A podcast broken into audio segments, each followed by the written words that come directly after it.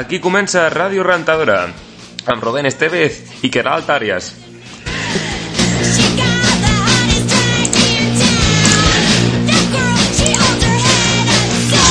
She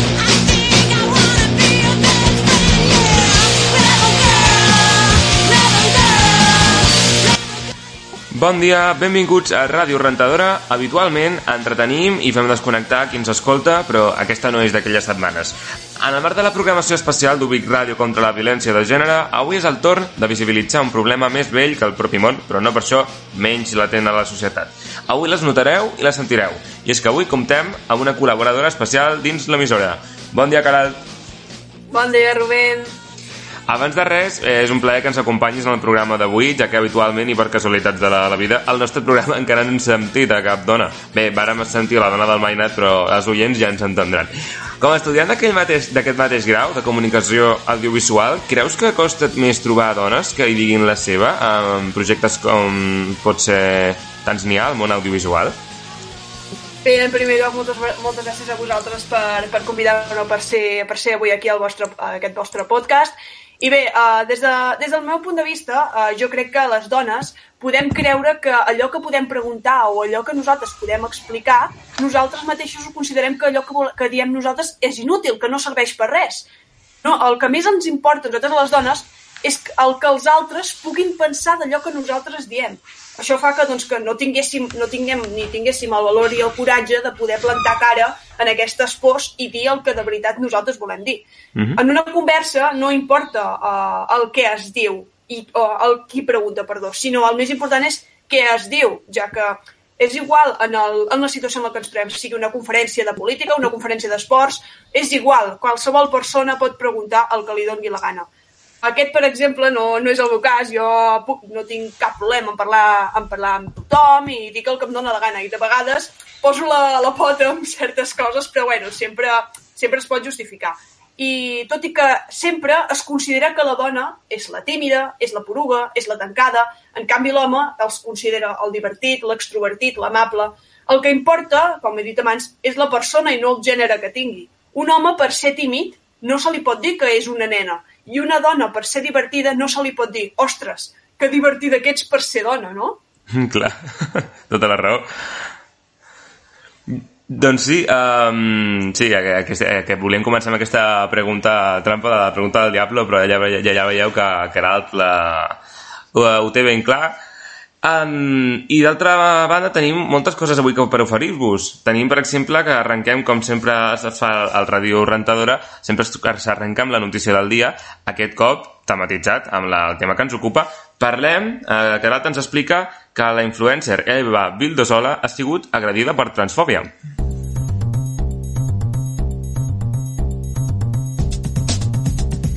seu cas ha donat la volta a tot el món a través d'una fotografia que la pròpia influencer de 19 anys va penjar al seu compte d'Instagram, en la que es veia visiblement alterada i colpejada amb sang al nas i a la boca. Segons el seu testimoni, ella es disposava a sortir de casa quan del portal va sorgir un grup de nois que li increpaven amb crits i insults com puto travelo o engendro, proporcionant-li cops de puny i puntades de peu per tot el cos. La descripció d'aquest mateix post fa un clam contra la transfòbia, on també confessa que si, que si, que si s'havia mudat a Barcelona era precisament per sentir-se més protegida i estimada per una societat eh, presumiblement més avançada, no? però que, com veieu, encara queda molt per fer i per lluitar contra la intolerància i la violència que aquesta genera. Malgrat tot, també ha, pogut, també ha volgut tranquil·litzar el seu col·lectiu, demanant que no hi tinguin por i que tot i que aquestes situacions siguin inacceptables, no hi ha res més plaent que gaudim de l'entitat que ens presenta i que ens mereixem. Doncs, doncs sí, eh, està clar i també ha sigut un cas que ha regirat eh, moltes consciències. De fet, la foto ja porta un milió i mig de, de likes i molts suports a les xarxes socials cap a aquesta noia. I no sé, que, suposo que tu també estaràs assabentada Caral, de, de la notícia i en el sentit de que no sé quina opinió et mereix eh, aquest, perquè aquesta aquest cop ha sigut també més sonat perquè ha sigut un influencer que ho ha patit, però uh, ha de ser uns actes indesitjables que malauradament s'han de, es, repete, es repeteixen uh, més del que ens pensem. És molt fort, és molt fort tot això perquè, ostres, eh, no som conscients de que passen aquestes coses en el nostre dia a dia, no? Perquè hi ha molts casos com el, com el de l'Eva que no apareixen als mitjans de comunicació, no apareixen a les xarxes socials, malauradament. Haurien d'aparèixer, si apareguessin, jo crec, tots els casos que hi ha hagut eh, d'agressions, ja siguin cap a tra eh, transfòbiques o cap a X persones, eh, crec que ens posaríem les mans, les mans al cap, eh? Sí, doncs esperem de que a veure si el temps, al igual que ha fet millorar altres coses, encara, perquè veieu que tine, tenim molt per fer, i també que la violència de, de gènere també, eh, eh, especialment protagonistes, també en són el col·lectiu trans.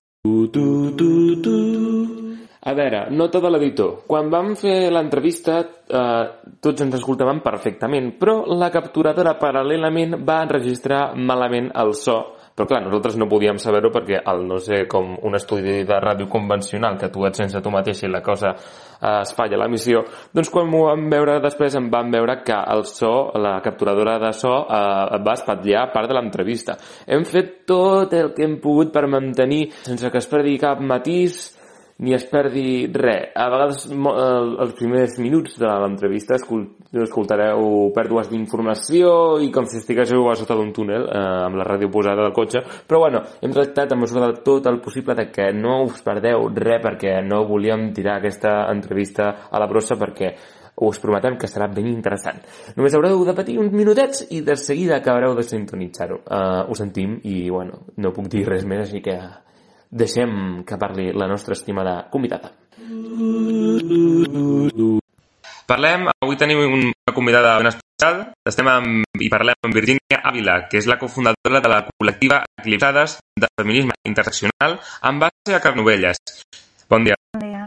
Potser alguna part del nostre públic s'està preguntant, eh, té el dubte al cap de què significa el feminisme interseccional. Si ens ho podries explicar per la gent que no ho sàpiga? Sí, sí, sí, sí. Perspectiva que inclou um, totes les opressions i discriminacions que pateixen les dones. És a dir, el feminisme té una història que ha estat molt occidental, molt blanc, i um, ara mateix ens trobem en la quarta onada, o alguns diuen inclús la cinquena, és aquesta introducció d'aquesta perspectiva interseccional, no? que les dones no únicament estem subjectes al patriarcat, homes només dones, sinó que no estem un, un, únicament subjectes al patriarcat, sinó també al a mecanismes de- d'opressió, com pot ser el capitalisme, com pot ser el capacitisme, com pot ser l'heterosexisme, el racisme... Llavors, intentem introduir aquesta, aquesta perspectiva, no? que la lluita pels drets de les dones és pels drets de totes les dones, no únicament les visibles, ni únicament les que tenen més poder o privilegi en aquest sistema. Què et va motivar per formar part de l'associació? Doncs nosaltres vam sorgir una mica per casualitat, la veritat, perquè amb l'altra companya amb la que vam cofundar aquesta, aquesta col·lectiva teníem alguns projectes mm, més personals, potser unes inquietuds més personals, i vam veure com un buit no? en, en el nostre municipi o en, en el nostre entorn, un, una col·lectiva que potser ens, ens sentíssim identificades, on, potser, on poder fer nosaltres doncs, el nostre activisme i les nostres, um, les nostres reivindicacions. I vam sorgir així una mica per casualitat, ja dic. Vam començar amb un projecte online que vam, vam voler fer i al final ens vam juntar amb altres companyes i que som sis en total i vam, vam decidir doncs, treure aquesta col·lectiva. De fet, nosaltres no som associació perquè vam sorgir una mica així com per casualitat, no? I no, tampoc vam fer el, tot el, tota la burocràcia que comporta una associació i, i vam, fer, vam començar a fer petites passes. Vam començar amb, col·loquis, performance, activisme a xarxes i donar-nos a presentar, crear aliances, xarxes amb altres col·lectives de Canovelles de dones. Segons el diari de Sabadell, les trucades a la línia d'atenció per a aquest tipus d'agressions van créixer un 140% respecte a les dades del mateix període de l'any anterior. En concret, es va passar de 199 del segon trimestre del 2019 a 479 durant el mateix període del 2020, segons les dades a l'informe de l'Observatori del Consell Comarcal del Vallès Occidental.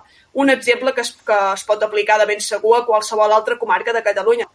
Probablement heu notat com el confinament ha incrementat encara més aquest tipus de violència. Us ha arribat cap testimoni a la col·lectiva en aquest període? Heu, o heu posat en marxa cap mecanisme per recercar o acompanyar a aquests testimonis?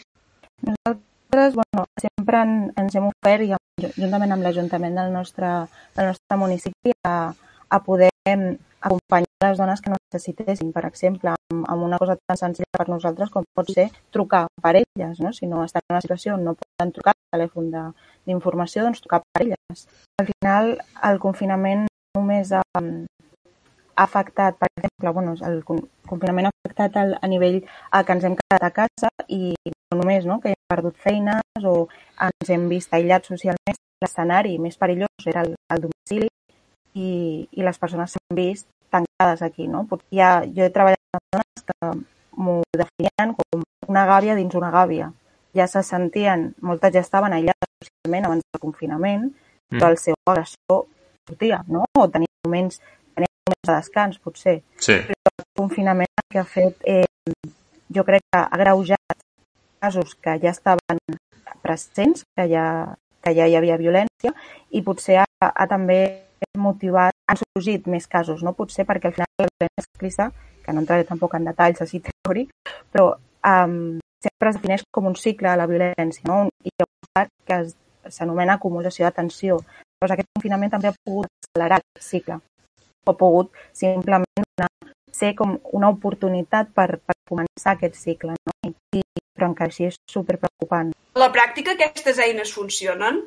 És molt preocupant. No, Hi ha inclús associacions que tenen molta trajectòria que s'han vist tan desemparades amb aquesta situació i que mm, han hagut de tancar.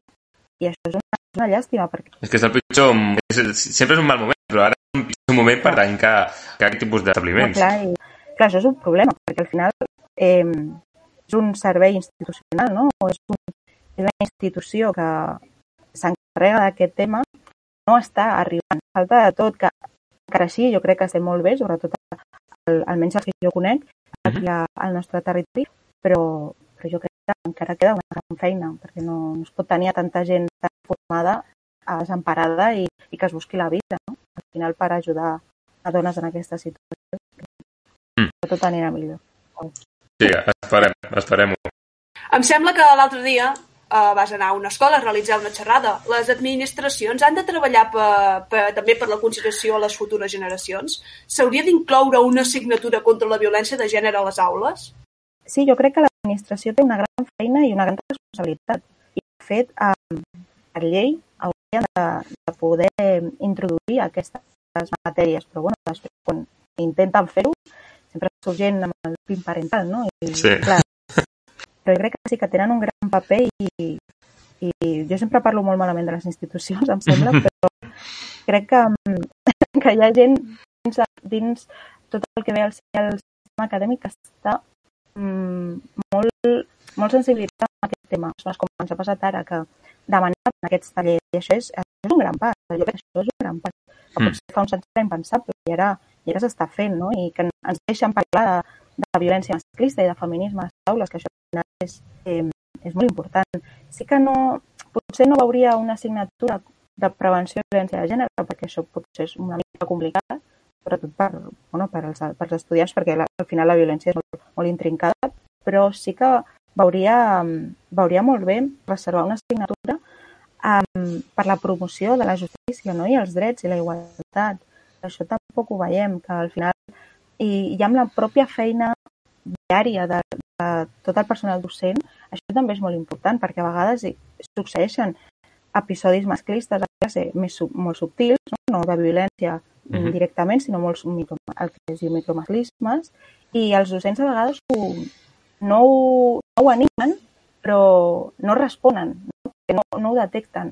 Això també és important. Potser no només una assignatura, sinó un canvi de de tot el sistema educatiu per tal d'introduir-ho com una cosa transversal, que al final no és una, una assignatura, no? és una cosa que hauria d'estar present inclús en les activitats que el propi centre prepara. Sí, en aquest sentit, eh, cada hora hi ha hagut diversos casos de violència, eh, potser no en aquest sentit, o no tan, per exemple, de mm, violència d'altres tipus, per exemple, assetjament escolar, i el 90% dels casos sempre ha sortit que l'escola no es volia entendre del problema. Es, es toquen d'una manera molt, per mi, molt bàsics, perquè és a dir, molt bé aprendre, aprendre a posar un preservatiu, però, eh, bueno, no? És a dir, d'això no va tot, tot el món sexual. Però, per exemple, parlar de consentiment és una cosa tan òbvia. Perquè després, què passa? Que hi ha aquest mite, que de fet ho treballem als tallers, aquest mite que a la parella no es poden produir violència sexual, no? Que tothom veu molt clar, violència masclista, què és? Home pega dona, ja està.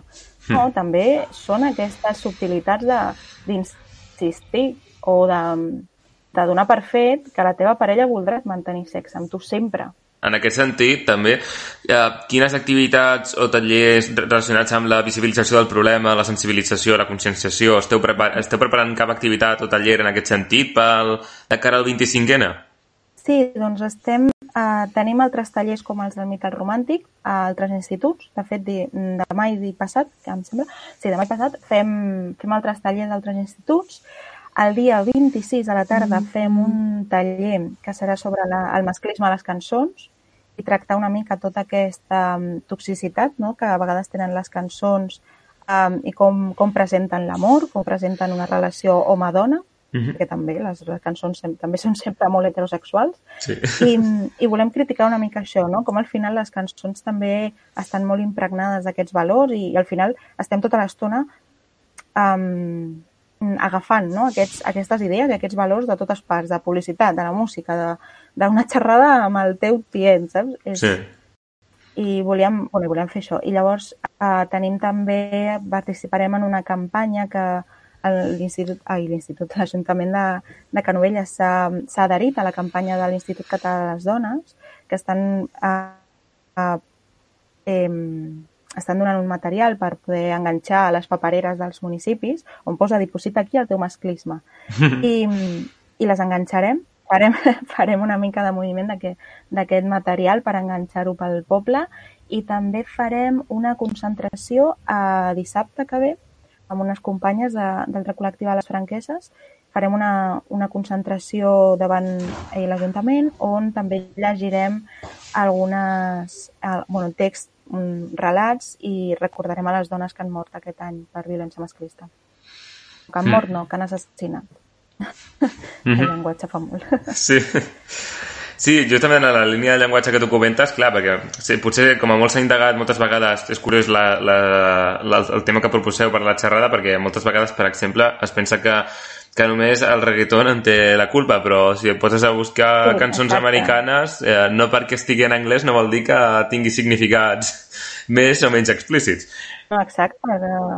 Hi ha moltes balades, no?, de, de, de qualsevol cantant eh, on, on parlen d'aquest tipus de relació, de sempre el mateix, no? Home actiu, dona passiva, yo te quiero, yo sé, yo Sí. sé lo que te gusta, tota l'estona així, no? I és una mica com, vale, vale, vale. I aquesta idea, sin ti no puedo vivir, i que són coses que eh, potser a nosaltres ens semblen molt innocents, però que al final tu creus, no? I també, clar, no, no és només una cosa aïllada, sinó que això, amb les pel·lícules, amb les novel·les, amb, amb tot, al final donen una idea del romanticisme que és una mica, Errònia. bueno, preocupant. Sí. És curiós que no, no fa molt ha sorgit un sector de dones que s'afegeixen al moviment feminista per reclamar que el col·lectiu trans no hauria de formar part del moviment, també conegudes com TERFs, feministes radicals transexcloents. Han de ser aquestes dones una línia vermella pel, pel moviment? Jo en primer lloc diré que no m'agrada el terme TERF perquè um, té, la, té la paraula feminista dintre. Ja d'entrada, la clar. paraula radical. El feminisme radical no...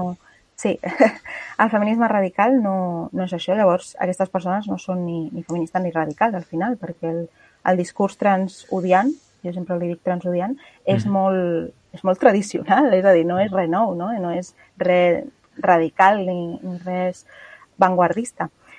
Um, I també criticar una mica que um, no és parlar de dones no? transodiants, sinó de discursos. Um, I potser no parlaria tant de, de línia vermella, sinó com d'un obstacle, d'una pedra que és una vergonya, és un insult per, per tot el moviment i és un, per mi és una, és una marxa enrere, perquè, um, com et deia abans, aquest discurs no és nou, sí que ara ha tingut molta visibilitat, però no és nou, perquè és, eh, des del principi del feminisme potser occidental està aquest discurs, no? Van, primer van deixar fora les, a les dones no blanques, a les dones lesbianes, a les dones trans.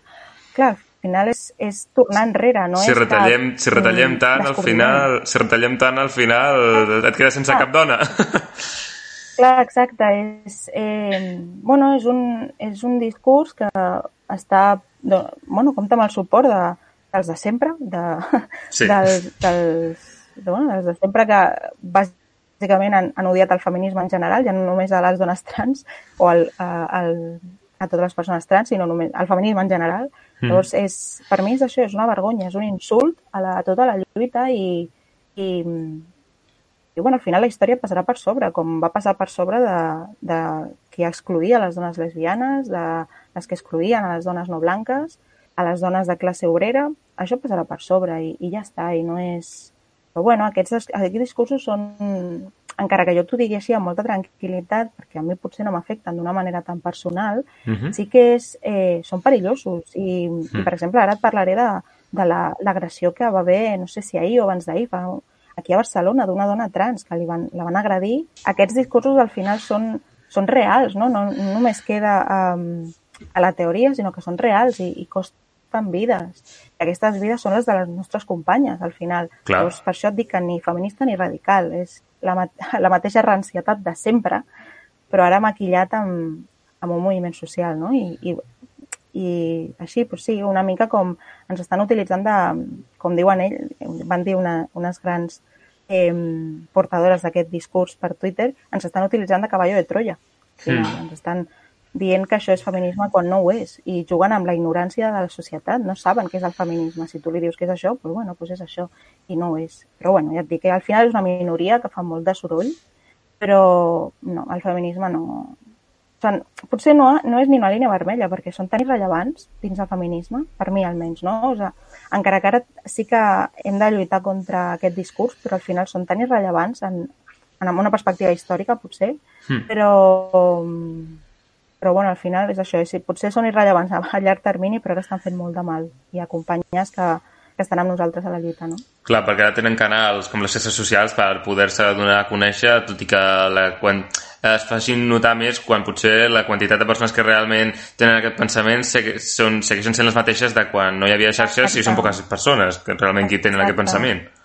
Exacte, són, són les quatre persones de sempre, que sempre estan amb discursos així de, de cavernícoles, no? I, Mm. Però clar, fa, fa molt mal, això fa molt mal perquè ara està afectant a, a dones reals, no? A vides reals i, bueno, Mhm. però no, esperem que, en fi, Que tot millori. i jo des d'aquí, mira, els diré només Sí, exacte. Només recomanaré que callin ja, si plau, perquè això costa vides al final. No, Doncs sí. no, no es juga amb vides i ja està. Tota la raó. Uh, també molt curiós el que has dit al, al principi, perquè és una cosa que molta gent no, no pensaria, no? Perquè moltes vegades uh, encara se'ls dona mm, un res, mm, més ressò sense voler quan els critiquem i ja tenen aquest adjectiu de buah, les terps otra vez, no sé què. Però, clar, sense, tot i que hi hagi gent que, clar, eh, no sigui la seva intenció, però s'està ficant amb aquestes persones perquè tenen un pensament arcaic i un pensament que no té lloc a la nostra societat d'aquest segle, eh, indirectament, sense voler, estàs dient que, tot i que són eh, persones que t'excloeixen a les persones trans, però ja té la F de feminista, que amb la qual indirectament estàs validant-la com que formen part del feminisme, no?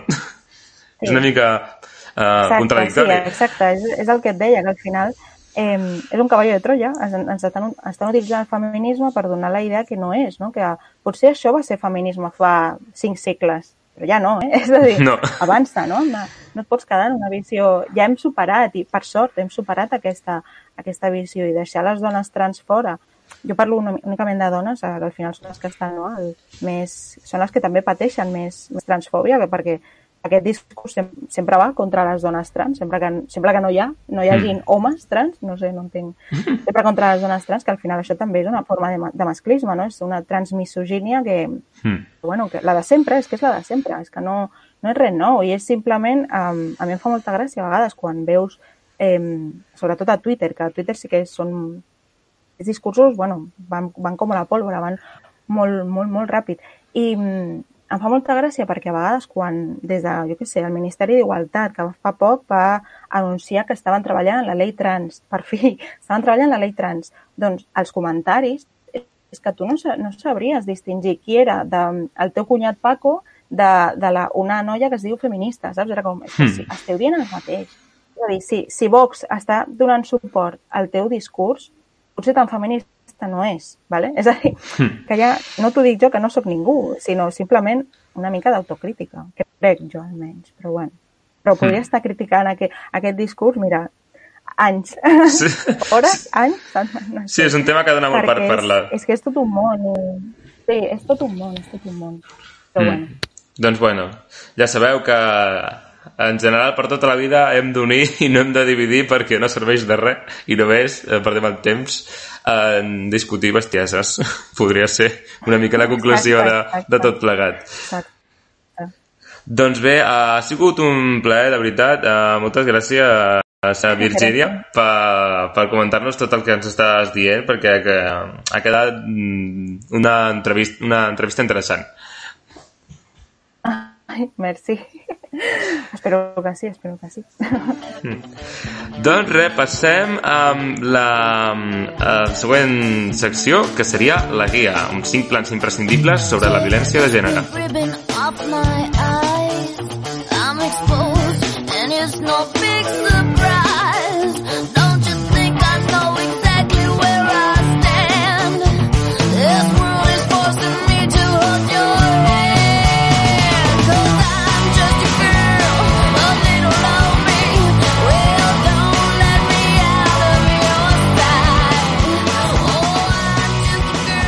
D'una banda, la Universitat de Vic està treballant en una programació especial d'actes contra la violència de gènere, on en concret en destacaré una xerrada i la meva companya una taula rodona. Comencem per la xerrada, i és que el proper dimecres 25 té lloc una xerrada de la Mònica Planes, que, com molts coneixereu, és una periodista reconeguda, també crítica de televisió, als diaris Ara, al Mundo Deportivo, i també col·laboradora al programa El Món a RAC 1. Uh, la seva xerrada anirà sobre com la televisió ha sigut còmplice de la violència de gènere i com els mitjans de comunicació han abordat aquesta qüestió al llarg dels anys eh, negativament o positivament des de tots els aspectes i tots els àmbits que la, que la professió comporta. Serà a les 11 del matí, serà virtualment i per fer-ho us haureu d'inscriure, eh, de fet s'ha d'entrar amb inscripció prèvia, a ubic.cat, organitzant-ho la Facultat d'Empresa i Comunicació de la Universitat de Vic. Serà mitja hora més tard quan, quan tingui lloc una taula rodona en la que vindran eh, dues persones reconegudes, una periodista i una futbolista del Barça. En el cas vindrà la Gemma Herrero, que és periodista especialitza, especialitzada en esport, i vindrà la Laia Codina, jugadora del, del Barça, que actualment està lesionada, però bueno, farà l'esforç i, i, vindrà, i vindrà per visitar-nos. I a més a més també eh, participaran els alumnes de periodisme de la Universitat de Vic. Serà una taula rodona en què es posarà el focus en les dones, l'esport i la violència masclista que pateixen les dones en el, en el món esportiu. No? Serà, com bé dit, a dos quarts de dotze i ho podreu seguir també en directe a través del canal de YouTube de la Universitat de Vic, en el plató de televisió. déu nhi quin desplegament està fent la universitat. Eh, A veure si té èxit perquè s'estan esforçant en, en portar persones interessants que ens puguin aportar, tot s'ha de dir. Ara deixem de banda els esdeveniments per anar a la lectura, i és que Teresa Peramato Martín ha escrit al derecho.com un article que trobem ben interessant, ja que es pretén fer una exposició sintètica dels riscos detectats en aquesta extraordinària situació per a aquestes víctimes i sense perjudici de les mesures que des de l'administració es van posar en marxa per intentar minimitzar-los, a la qual es farà unes referències bastant interessants, s'analitzaran alguns aspectes de les normes publicades per resoldre els conflictes que s'han pogut generar a conseqüència, també de les mesures acordades a causa de la pandèmia i de la crisi econòmica. Així que és un pèl jurídic aquesta, però és ben interessant.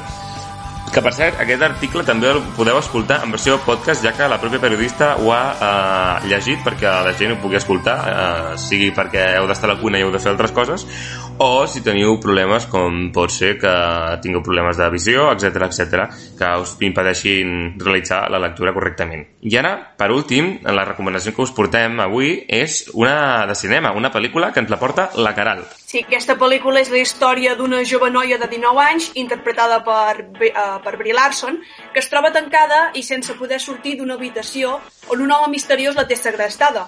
L'home només va a l'habitació regularment per portar-li menjar i mantenir relacions sexuals amb ella. Set anys porta tancada en una habitació, dos dels quals els va passar sola. Però dins d'aquella habitació és mare d'un nen, el Jack, des del meu punt de vista és una pel·lícula molt dura.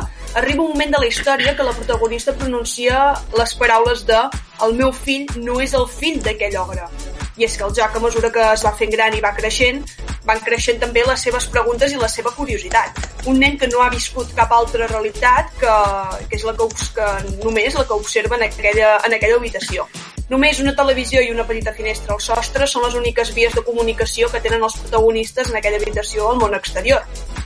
L'única cosa que li permet a la protagonista suportar tot el que està vivint és el seu amor per al seu fill. La pel·lícula l'habitació demostra el poder de l'amor familiar en les circumstàncies més extremes i es pot observar com el, com el vincle d'una mare que ho ha passat molt malament durant tant de temps amb el naixement del seu fill doncs pot canviar-li la vida encara que es trobin tancats sense poder sortir d'una habitació.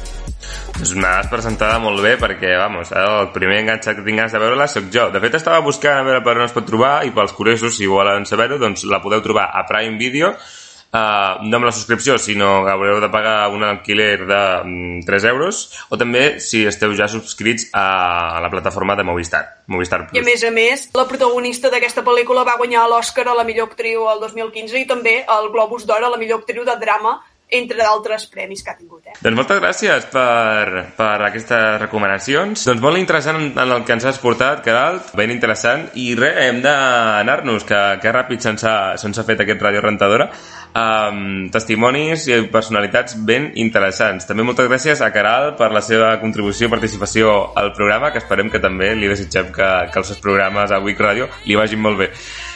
Moltes gràcies a vosaltres per convidar-nos i ha sigut un plaer. Doncs bé, per la nostra part, res més. Ens tornem a veure el proper divendres, la setmana vinent, a una nova edició de Rubicub, una hora en directe de que també eh, ja hem d'anar preparant els temes. Així que res, nosaltres ens veiem, podeu seguir-nos també a ubic, monobic.cat barra ràdio i també seguir-nos a les xarxes socials. Ens veiem la setmana que ve. Vagi bé.